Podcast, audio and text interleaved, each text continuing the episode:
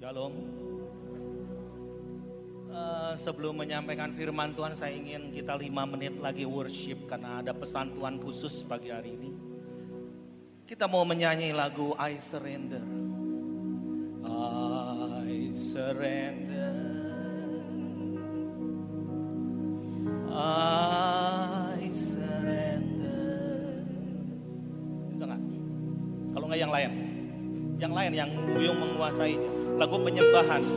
Saya melihat ini satu altar besar. Putih. Tapi kok sedikit orang yang ada di atas itu. Ada orang-orang yang tertelungkup. Tapi mesbahnya begitu besar.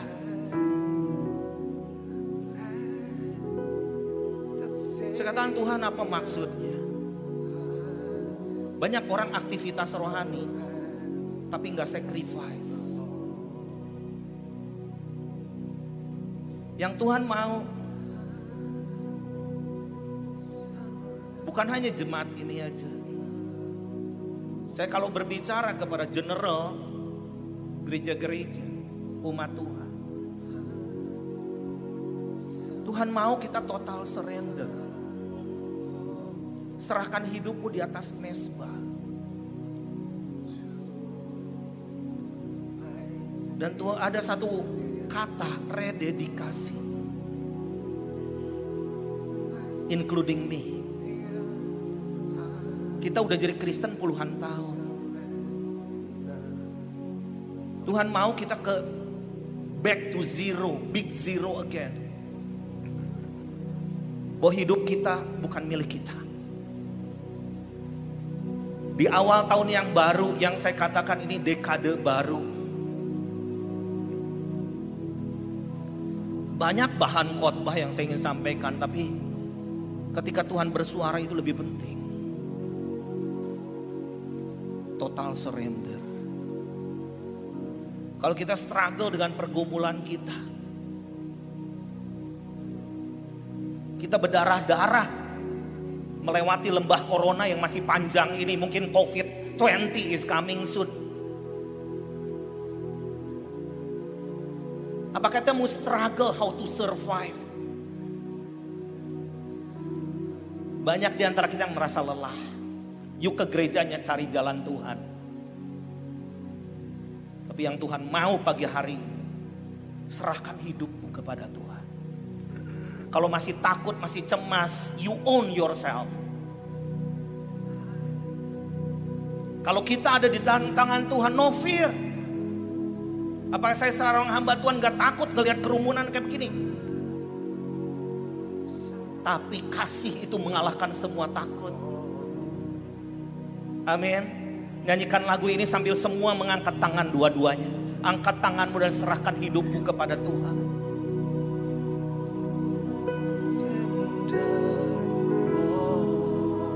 Katakan I surrender all.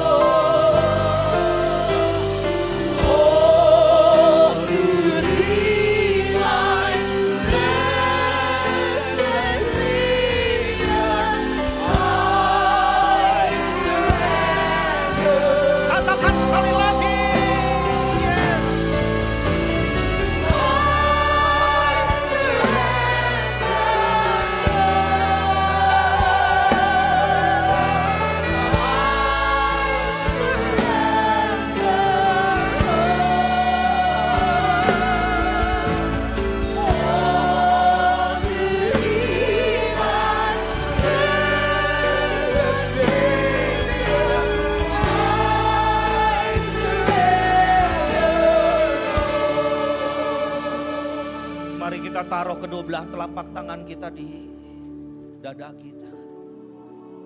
Rasakan denyut, denyut jantung kita. Berapa harga denyut itu? Berapa harga paru-paru kita tanpa ventilator?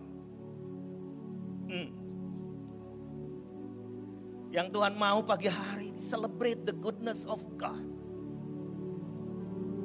Rayakan kebaikan-kebaikan Tuhan. Hidup itu adalah anugerah. Bukan ngurusin masalah. Kita ada, kita hidup karena satu purpose, satu tujuan. Apakah kita sudah total surrender? Whatever will be, will be lah. Gitu kan orang Singapura. Apa pun yang terjadi dalam hidupku Silakan kue sera-sera. Karena hidupku milik Tuhan.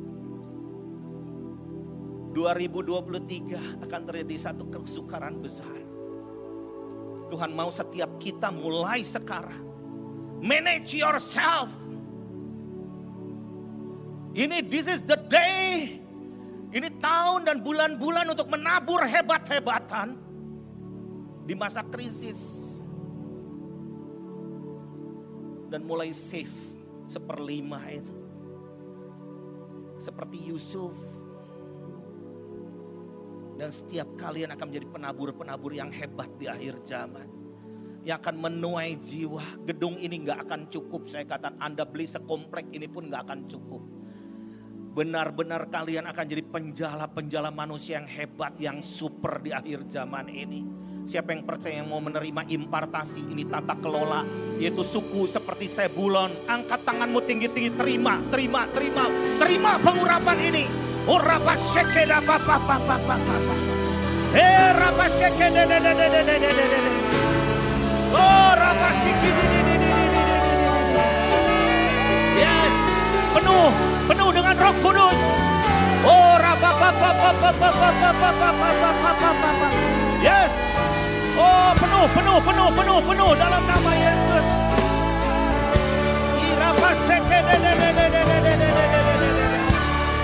Oh ada urapan yang spesial. Jubah mantel yang baru sedang dicurahkan. Oh rapa papa papa papa papa papa papa papa Oh rapa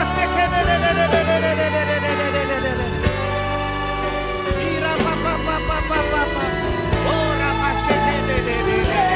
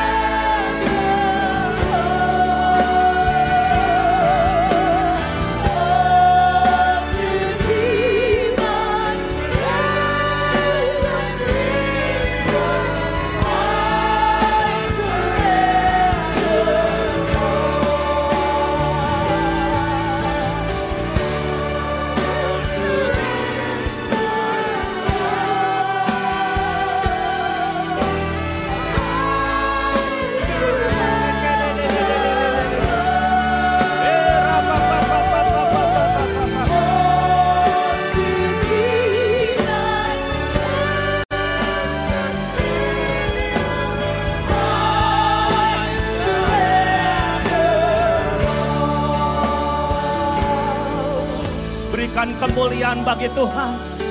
Sorak-sorai kemenangan bagi dia. Sorakan haleluya.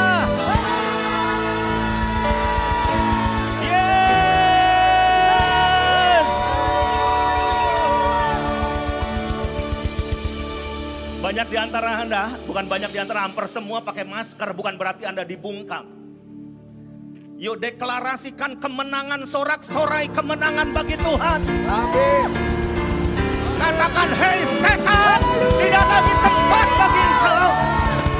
Oh, rapat kata para lapas. Berbicara Tuhan dalam nama Yesus, katakan, amin, amin. Silahkan duduk. Nggak capek kan ya? Nggak capek? Nah, pagi hari ini saya mau berbicara dengan satu topik accelerate now. Oke, sekarang serba now, gitu kan?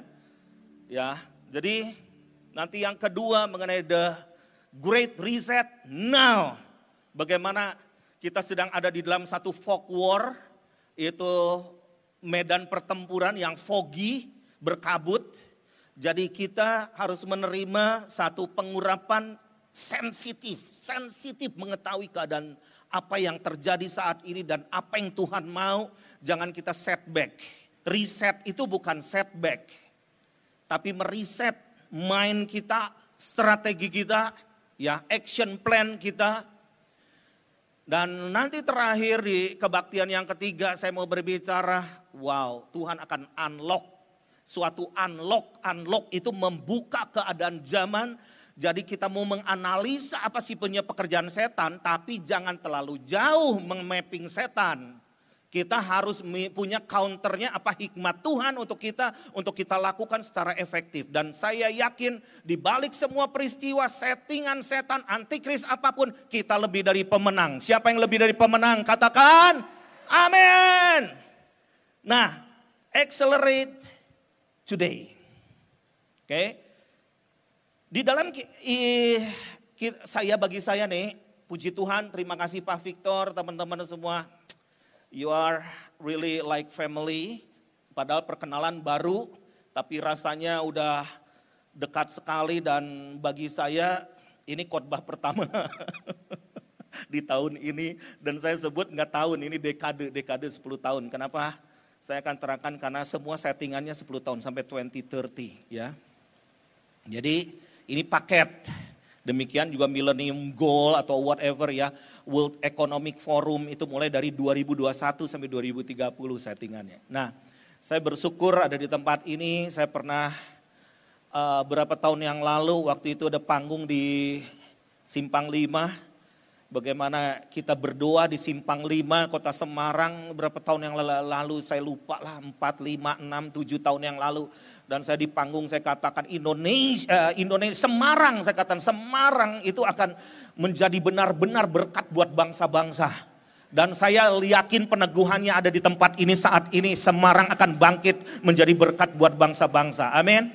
Kalau dulu, wah saya masih ingat waktu itu panggung di sana mau cari kulineran susah. Sekarang kulineran ada di mana-mana.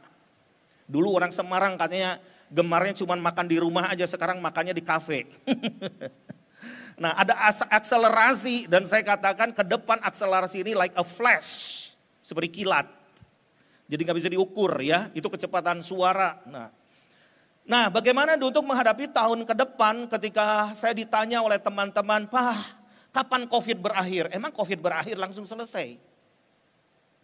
Kalau kehidupan e, dikatakan new normal itu berarti kita udah nggak bisa back to normal again. Udah nggak mungkin.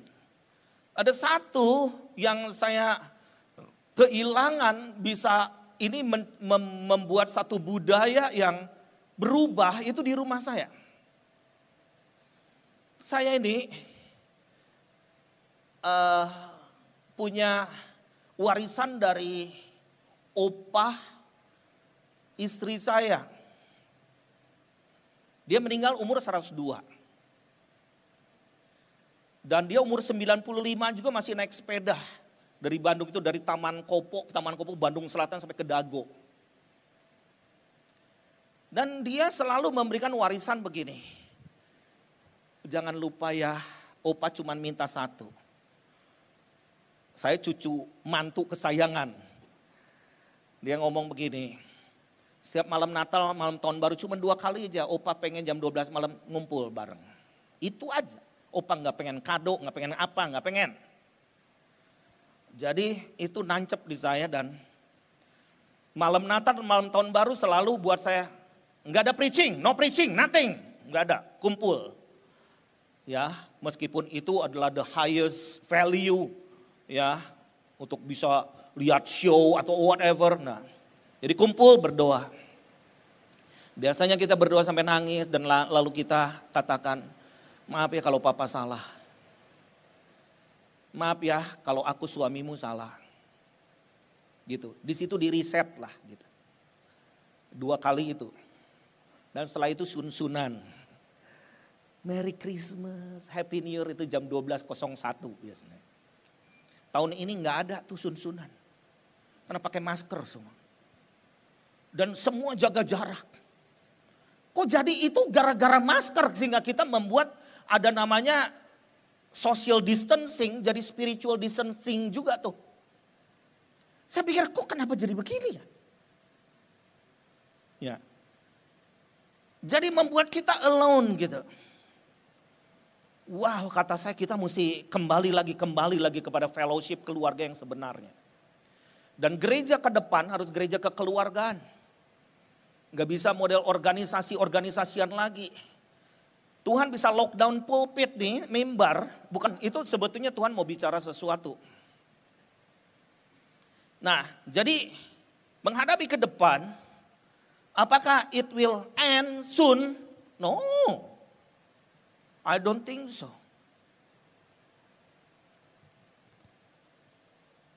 Pengharapan kita bukan dari dunia. Dunia menuju kepada kesudahannya. Tetapi kita punya kerajaan, bukan kerajaan dunia. Semua kerajaan akan digoncangkan. Pemerintah akan digoncangkan, organisasi apalagi digoncangin. Langit digoncangin. Cuaca buruk, pesawat jatuh. Darat digoncangin, gempa bumi. 2019 itu 12.854 kali gempa bumi yang terekam. Oh, itu kemuncaknya 10 kali lipat 2019 yang lalu, coba bayangin bukan 2020. Laut, darat, langit, bumi akan digoncangkan. Supaya nyata yang tidak tergoncangkan. Kerajaan Allah. Dunia boleh bangkrut, kerajaan Allah nggak pernah bangkrut. Amin. Kerajaan Allah nggak pernah krisis. Banyak orang diberikan kunci-kunci kerajaan Allah tapi nggak nggak tahu mau makainya. Nah dekade 10 tahun ke depan adalah dekade kerajaan. Mesti we have to rethinking about Christianity. Are we living and berperilaku, value, culture, kebudayaan seperti kerajaan Allah nggak? Nanti sore. Nah nanti pagi ini kita mau berbicara mengenai accelerate itu bagaimana mengaccelerate. Matius 1 ayat 23. Sesungguhnya anak darah itu kan mengandung dan melahirkan seorang anak laki-laki dan mereka akan menamakan dia Immanuel. Yang berarti apa? Allah menyertai kita.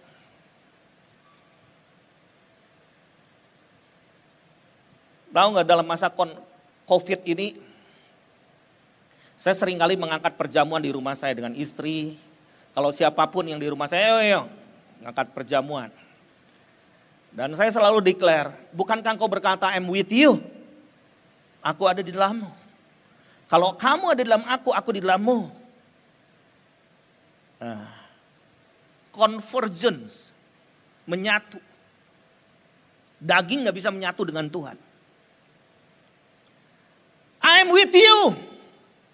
Kalau dalam worship seperti ini, wow, saya ngerasa hadirat Tuhan luar biasa. I will dwell among you. Aku akan bersemayam di tengah-tengahmu. Dan dialah alfa omega dahulu dan sekarang dan selamanya. Gak usah pusing mikirin vaksin, mikirin covid. Dan dia tahu endingnya harus gimana. Dia tahu ending of the world itu harus bagaimana.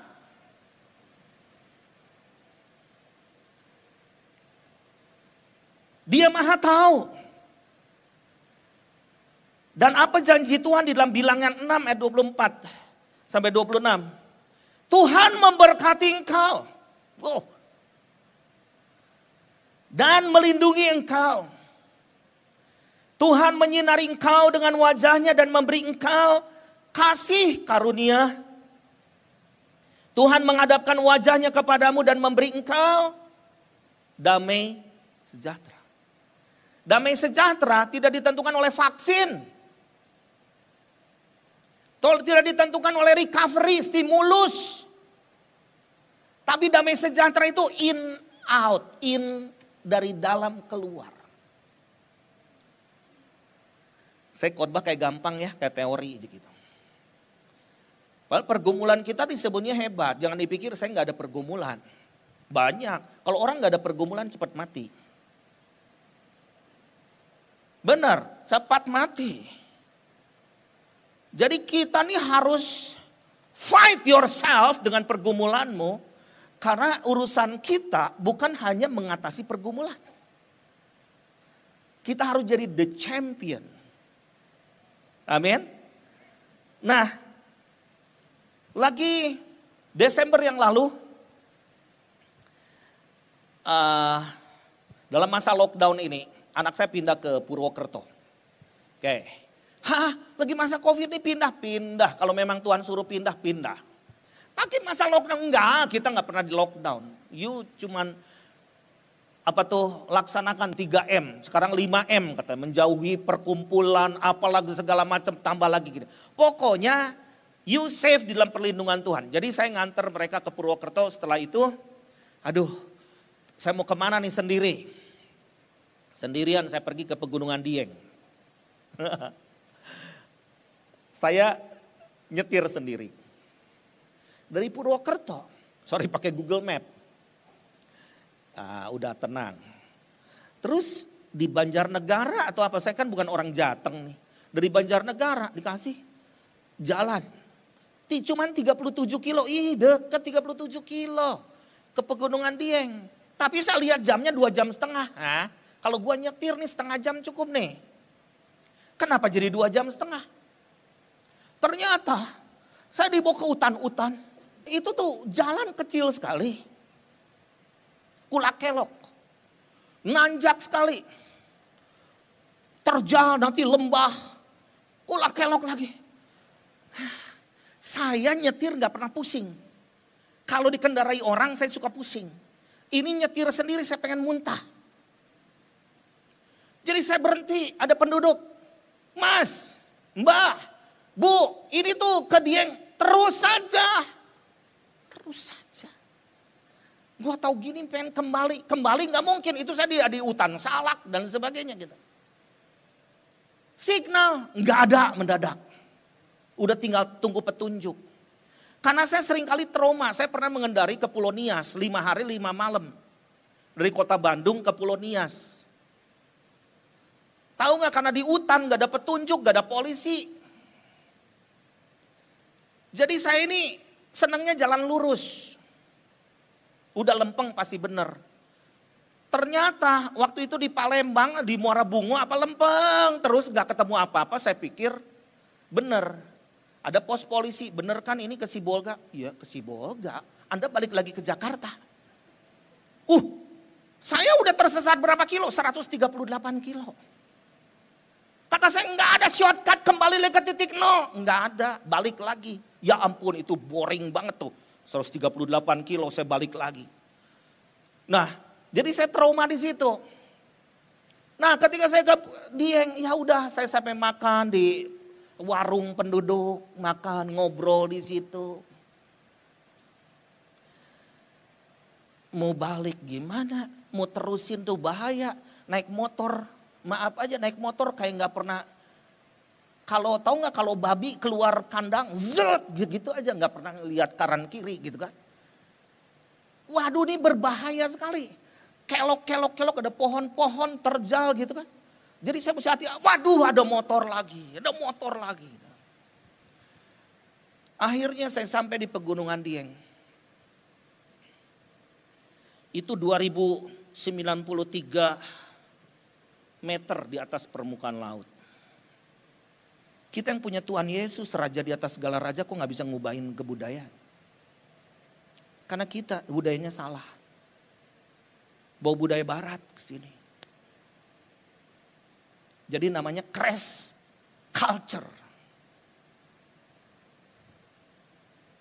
Karena kita pikir Kristen harus gitu.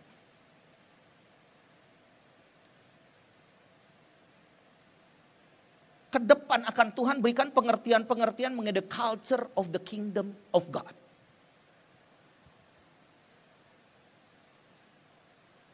Enggak cara ministry-ministry kita yang selama ini. Apakah you alone nggak bisa mengubahkan satu kota? Satu bangsa. Aku mencari seseorang di tengah-tengahmu. Orang yang memberikan tembok dan memperkan negeri. Supaya jangan kumusnahkan negeri itu. Somebody is very important di hadapan Tuhan. Di Indonesia nggak kurang doa. Banyak doa dan saya adalah penggeraknya. Kalau saya nih, saya ciptakan panggung buat banyak hamba Tuhan dan saya nggak pernah ada di panggung itu.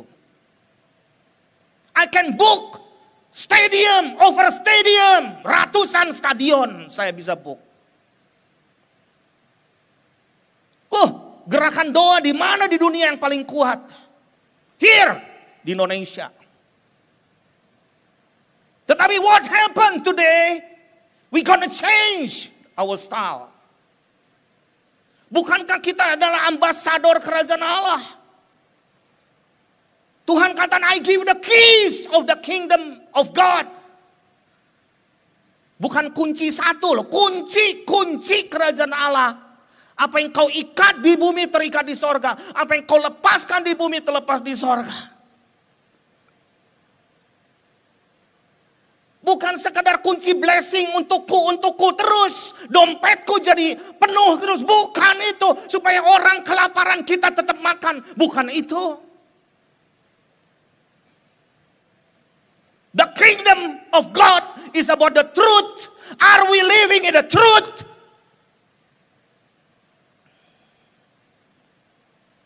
God is shaking the church today supaya nyata kerajaan Allah Berita kerajaan Allah, bahwa kerajaan Allah sudah dekat, kerajaan Allah ada di antaramu.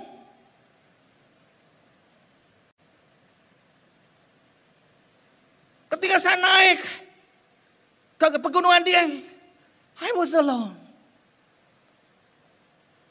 Aku merasa merasa takut dan pengen kembali. Nanya ke penduduk bener nih ke dia, terus saja, terus saja keep fokus. Bukankah dia ada di depan, tadi nyanyi ada di belakang, ada di samping kiri, ada di samping kanan. Teori gampang, ngomong gampang nih. Dan di sana Tuhan bicara mengenai gunung kudusnya Tuhan. Di dalam Mazmur 24 ayat 3 dan 4, siapakah yang boleh naik ke atas gunung Tuhan? Orang yang bersih tangannya dan murni hatinya dan tidak menyerahkan dirinya pada penipuan dan tidak bersumpah palsu. Di situ saya mulai, kok saya ini nggak pleng kayak pendoa-pendoa lain. Saya ini kan banyak pendoa saya ini itu. Kalau pendoa saya, uh saya melihat Tuhan. Uh itu ada malaikat besar itu. Kalau saya ini orangnya susah gitu. Nggak, nggak kelihatan. Tuhan sama saya tuh. Tapi herannya kita percaya tuh virus tapi nggak percaya Tuhan. Makanya kita kan pakai masker semua. Percaya nggak Tuhan ada? Hah? Percaya nggak Tuhan kita ada? Kita pakai ini karena mematuhi juga mau di save our life and save the others. Itu bagus. Tetapi dalam kehidupan kita sehari-hari kita khawatir ini, khawatir itu, khawatir ini. Itu semua mengenai pergumulan sendiri. The kingdom of God nggak begitu. Semua warga negara diprotek. We are the ambassador of the kingdom of God. Jadi kalau ambasador itu, kalau kita rakyat biasa nih kecelakaan, kecelakaan. Kalau ambasador kecelakaan, oh negaranya akan mulai ngeprotek. Di rumah sakit mana? Kalau kecelakaan. Di bagaimana? Kalau ada yang mukul, nih ada orang mukul saya, ya udahlah si Daniel Panji dipukul. Tapi kalau saya ambasador dipukul, hmm, presidennya harus minta maaf. You are all protected. Gak ada yang amin nih. Kita di, di protect, di assurance sebagai the kingdom, ambassador of the kingdom of God. Dan kalau Ambasador itu kata-katanya nggak sembarangan. Apa yang dia ucapkan itu namanya petisi. Luar biasa. Luar biasa. Di dalam Yeremia 1, Yeremia 1, yuk kita buka.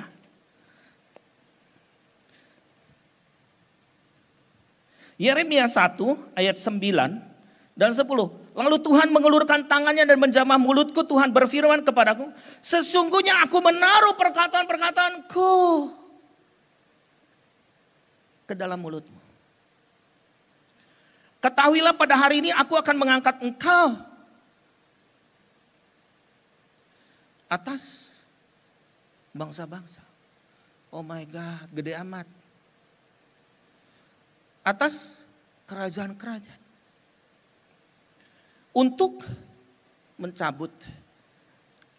Saya melihat begitu banyak tempat pariwisata diklaim itu sebagai tempat dewa, tempat dewi, tempat setan lah, penguasa, ratu pantai selatan dan sebagainya. Kenapa? Karena nggak ada yang mencabut. Kita menghindar. Mencabut, merobohkan untuk membinasakan dan meruntuhkan, tapi juga untuk mereplan and rebuild. nggak sekedar dicabut tapi harus dibangun kembali.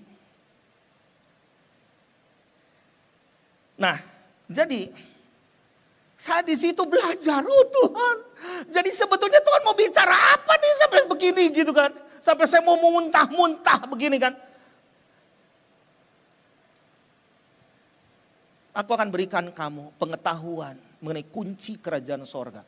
Karena ke depan itu is going to be all saints movement gerakan orang-orang kudus.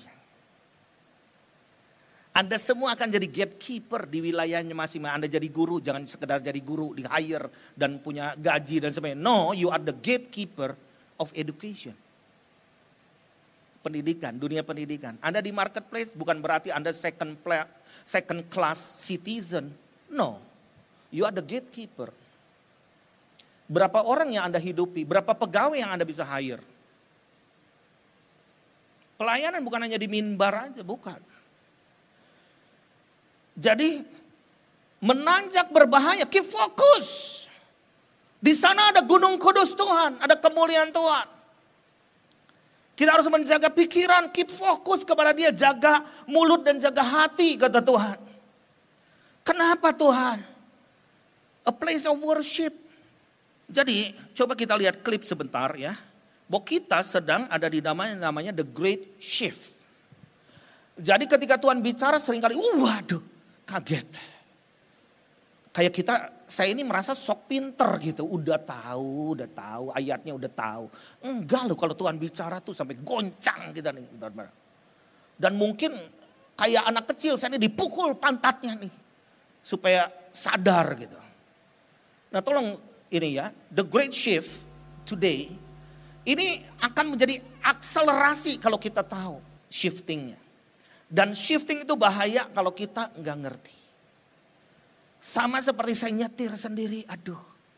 Itu 2093 meter persegi, eh meter persegi, meter ketinggian di atas permukaan laut. Saya pergi ke Nepal waktu itu Himalaya 6000 sekian. Uh dinginnya tak ampun itu lebih bahaya lagi. Mount Everest itu kan uh, gunung yang tertinggi di dunia. Tuh. Tapi we have to be very careful di sana. Jadi bukan karena Allah Immanuel menyertai kita dan kita hmm, hanya diam. Keep moving. Keep moving. Nah terus next. Kita ini ada tiga zona waktu. Di tiga zona waktu ini kita akan berdiri di tengah-tengahnya. Tolong next. Next slide. Oh bukan, slide, slide, slide yang tadi teruskan, bisa. Nah, kita masa kini sekarang nih, ya, minggu kedua 2021 dari sini. Jadi hidup kita selalu ada in the past. Eh, kamu nggak tahu siapa saya? Kadang orang yang gitu dia nggak tahu siapa dia juga gitu. in the past. Dan ini bisa membayangin, ini bisa jadi trauma, ini juga bisa jadi kesombongan. Terus the future, itu masa depan. Ini akan merupakan satu perubahan dari masa lalu ke sekarang, tapi ini akan jadi gangguan. Karena apa? Secara teknologi itu namanya acceleration of technology. Itu 5G itu harusnya 2023 start, tapi sekarang akan dipercepat. Karena akan era cashless society juga akan dipercepat. Jadi ini kedatangan Tuhan akan semakin cepat. Nah, so we are living here. Kita ada di dalam satu set begini nih, dua kurva seperti begini. Next slide. Terus, nah, jadi bagaimana kita mempersatukan ini kita ke sana? Nanti kebaktian yang kedua saya akan saya akan ini loh kupas bagaimana planning mereka tomorrow is today. Ngeri banget kalau kita nggak ngerti. Tuhan katakan ja, jangan sampai kita bodoh. Kita ini harus lebih pinter. Kalau kita dunia bisa ciptakan vaksin, apa DNA, mRNA dan sebagainya sampai kita telusuri. Apa Anda nggak yakin darah Kristus juga bisa memperbaiki sel yang rusak? Memberikan hikmat kepada kita. Percaya nggak? Saya ini Harusnya sejak bayi udah mati. Karena saya punya gagal jantung. Mama saya ngomong, Daniel inget ya kamu jantungnya nggak normal. Ya ilah itu terngiang-ngiang terus ke saya. Kapan gua mati, kapan gua mati. Saya mau mati berkali-kali. Saya pernah geger otak dua kali karena saya pembalap motor. Dan saya nggak boleh capek kayak begini, capek begini saya pingsan langsung digotong. Tiga hari saya diem kalau nggak muntah. Tapi look at me today. Saya selalu diberikan kesempatan demi kesempatan. Apa kata dunia belum tentu benar. Karena yang paling benar adalah hidupku untuk Tuhan. Dan Tuhan ada di dalamku. Amin. Beri kemuliaan bagi Tuhan. Jadi dalam enam kualitas sigma proses perbaikan berkelanjutan. Keunggulan operasional. Jadi kita harus unggul. Nah ini akan jadi budaya digital. Sekarang berapa Anda yang nonton saya di rumah? Dulu tabu kita lihat live streaming.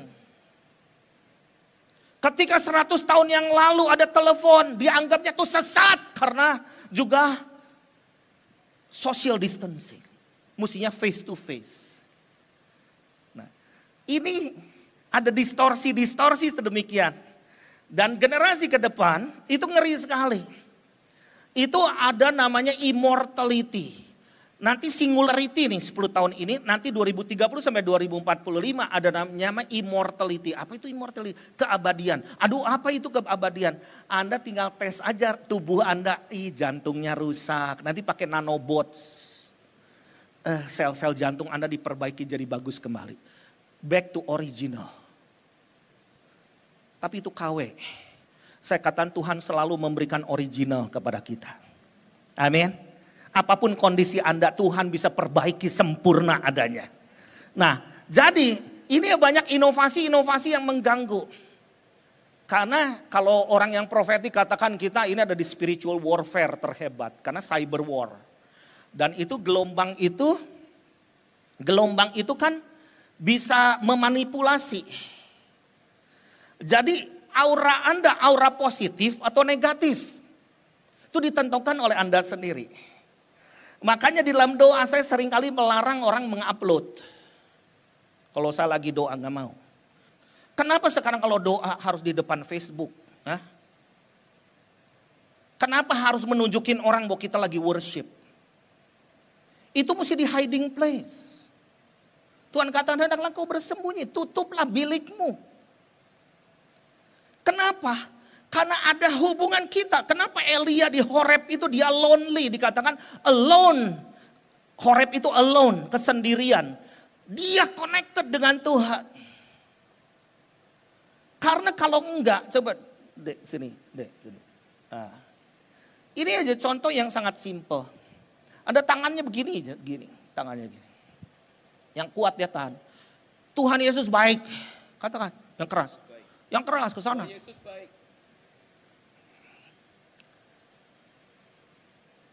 Memang kuat ya. Terus katakan COVID, COVID. Yang keras. Yang keras, tahan. Covid. Covid. Katakan Tuhan Yesus baik.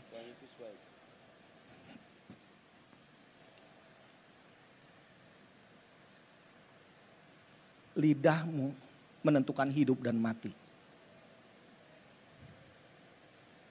Nah, pegangin terus HP. Terus, HP-mu mana? You juga kan megang terus tadi. Sini. Tangannya lagi. yang kuat, yang kuat. Sekarang yuk HP. Tempelin aja. Yang kuat. Enggak usah merenyeng-merenyeng, tenang aja.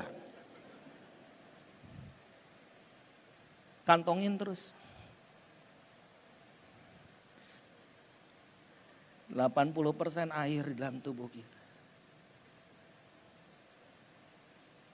Anda baca Bible juga melalui ini bukan salah. Saya kenapa selalu pakai yang original juga. Beda, itu ada hipno, elektromagnetik. Oke, okay, thank you. Suruh anak-anak game terus. Gamer, sulit baca firman. Otaknya terus diseret ke black hole namanya. Lubang jurang maut lama-lama rebellion. Ambil HP-nya kalau nggak dilemparin tuh. Barang di muka Anda. Nah, enam jebakan yang kita harus sadari.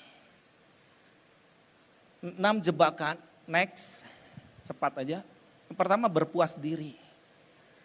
Merasa sukses merupakan perangkap dan ini lonely ini kita bisa alone with God atau loneliness.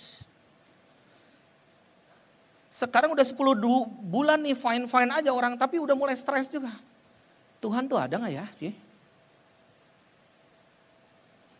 Nanti bisa bentar lagi tawar hati, bentar lagi ada orang bunuh diri, bunuh diri, bunuh diri. Jebakan. Lalu kompetensi, Kompetensi itu apa? Keberhasilan dicapai sampai saat ini, itu merasa kita nih berkompeten. Kita sering kali memilih orang pelayanan karena kompeten. Padahal dia harus riset. Surrender yourself first, itu penting. Nah, jadi keberhasilan yang dicapai saat ini tidak menjamin akan bertahan selamanya. Next. Terus yang ketiga, ini bukan dosa, kesalahan, mendelay menunda-nunda kayak lima gadis bodoh, menunda-nunda. Ketika saya waktu itu udah kuliah umum saya ditanya oleh para mahasiswa, Pak jawab satu pertanyaan saja singkat. What you wish today? What I wish? Mau gedung besar? Mau pelayanan hebat? Menjangkau satu juta orang? Kata saya, saya ingin muda sedikit karena saya banyak mendelay. Don't delay. Lalu blame trap, mencari kesalahan orang lain, tidak pernah mengevaluasi diri. Jadi karena Lucy, Lucy, Lucy. Blamer nanti ujung-ujungnya jadi haters. Pembenci. Next. Tidak berinovasi saya katakan, saya mengajar sekarang hamba-hamba Tuhan bahwa Yesus, Immanuel, gini-gini gak cukup gitu. Eh, gimana pakai gadget? Gimana bikin live streaming? Gimana kalau berkhotbah di live? Ini ditonton orang semangat, kalau gak ada yang nonton gimana? Gimana caranya? Saya saya di gereja-gereja cabang saya gitu. Ayo lakukan, berinovasi. Terus Lone Ranger is dead, don't be alone. Ini bahaya karena tidak mau berkolaborasi dan memiliki sifat Pemancing bukan penjala. Mancing sendiri, mancing itu enggak maksimal kalau mancing. Penjala. Kita langsung bisa menjala ikan sebanyak-banyaknya. Nah terus, apa yang Tuhan ingatkan dalam hari-hari ini yang pertama, next. Back. Go back now. Go back ke mana? Next. Next. First love Yang pertama, first love. Yaitu kasih yang mula-mula. Ternyata kasih yang mula-mula tuh gampang diucapkan, sulit untuk dilakukan. Karena apa? Menyerahkan semua hak. Kudunya gue terkenal, kenapa jadi gue dia yang terkenal? Kudunya ini hak mul buat aku, kenapa? Nah itu kayak kata Yesus, dia tidak memakai hak. Lahir aja nggak pakai hak, enggak sampai ada di rumah sakit bunda dan anak, ibu dan anak enggak, dia di kandang.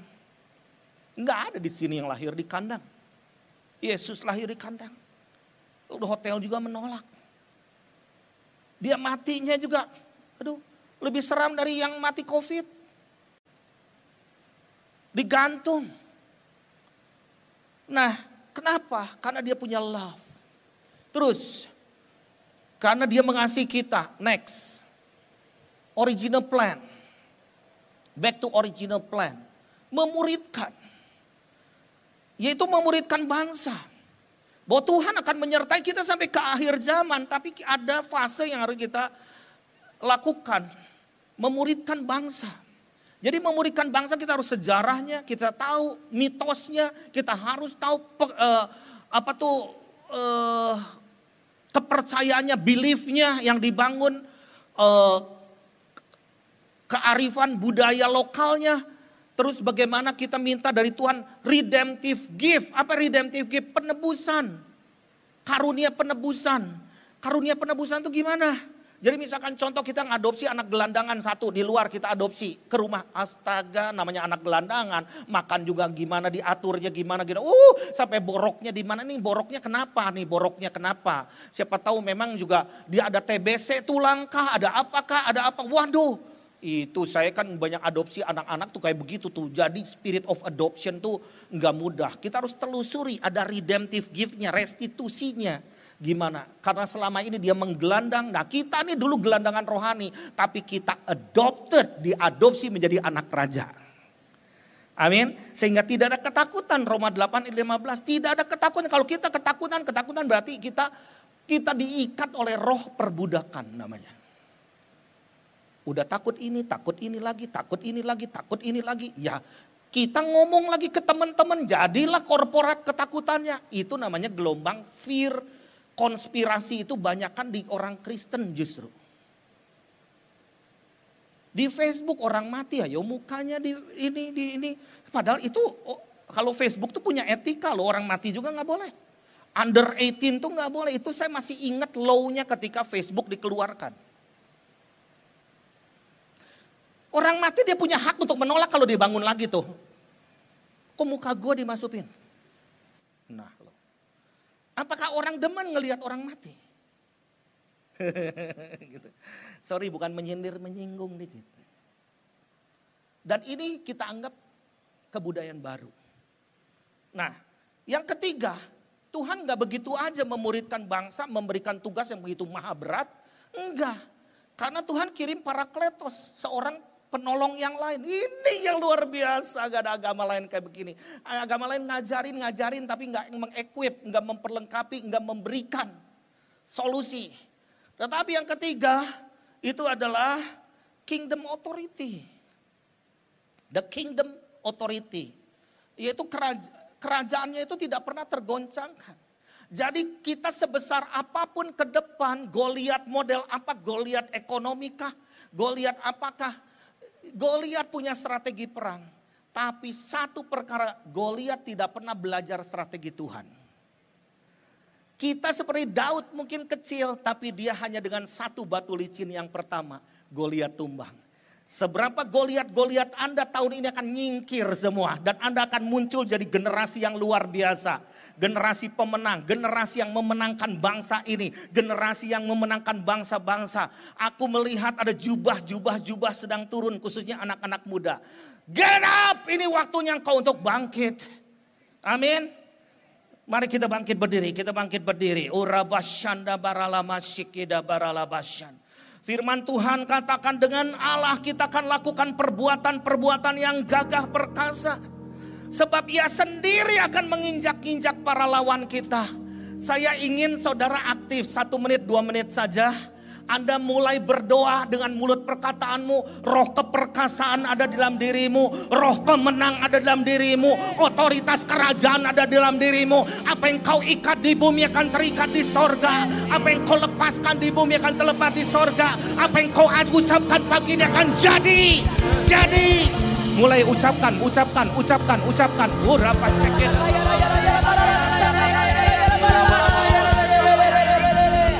Oh, rapa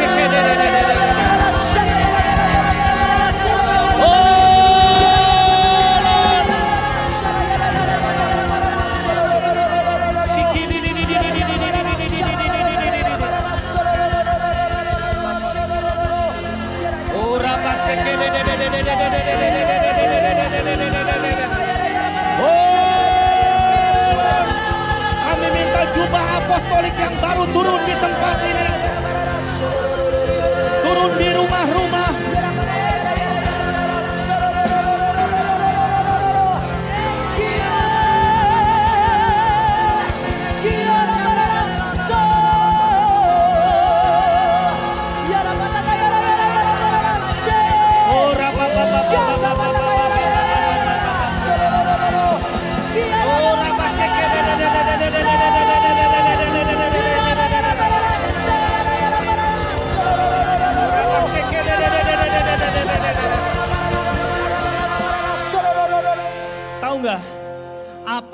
Profesi Anda, pedagang, pekerja, guru atau apa pun, level up today.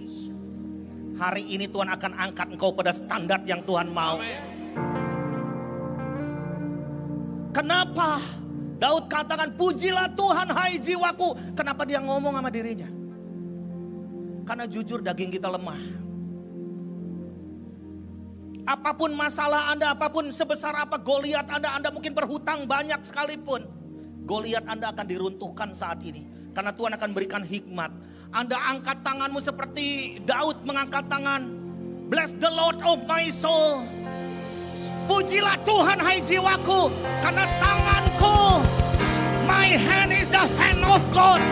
Bless the Lord of my soul. Bless the Lord of my soul. Oh,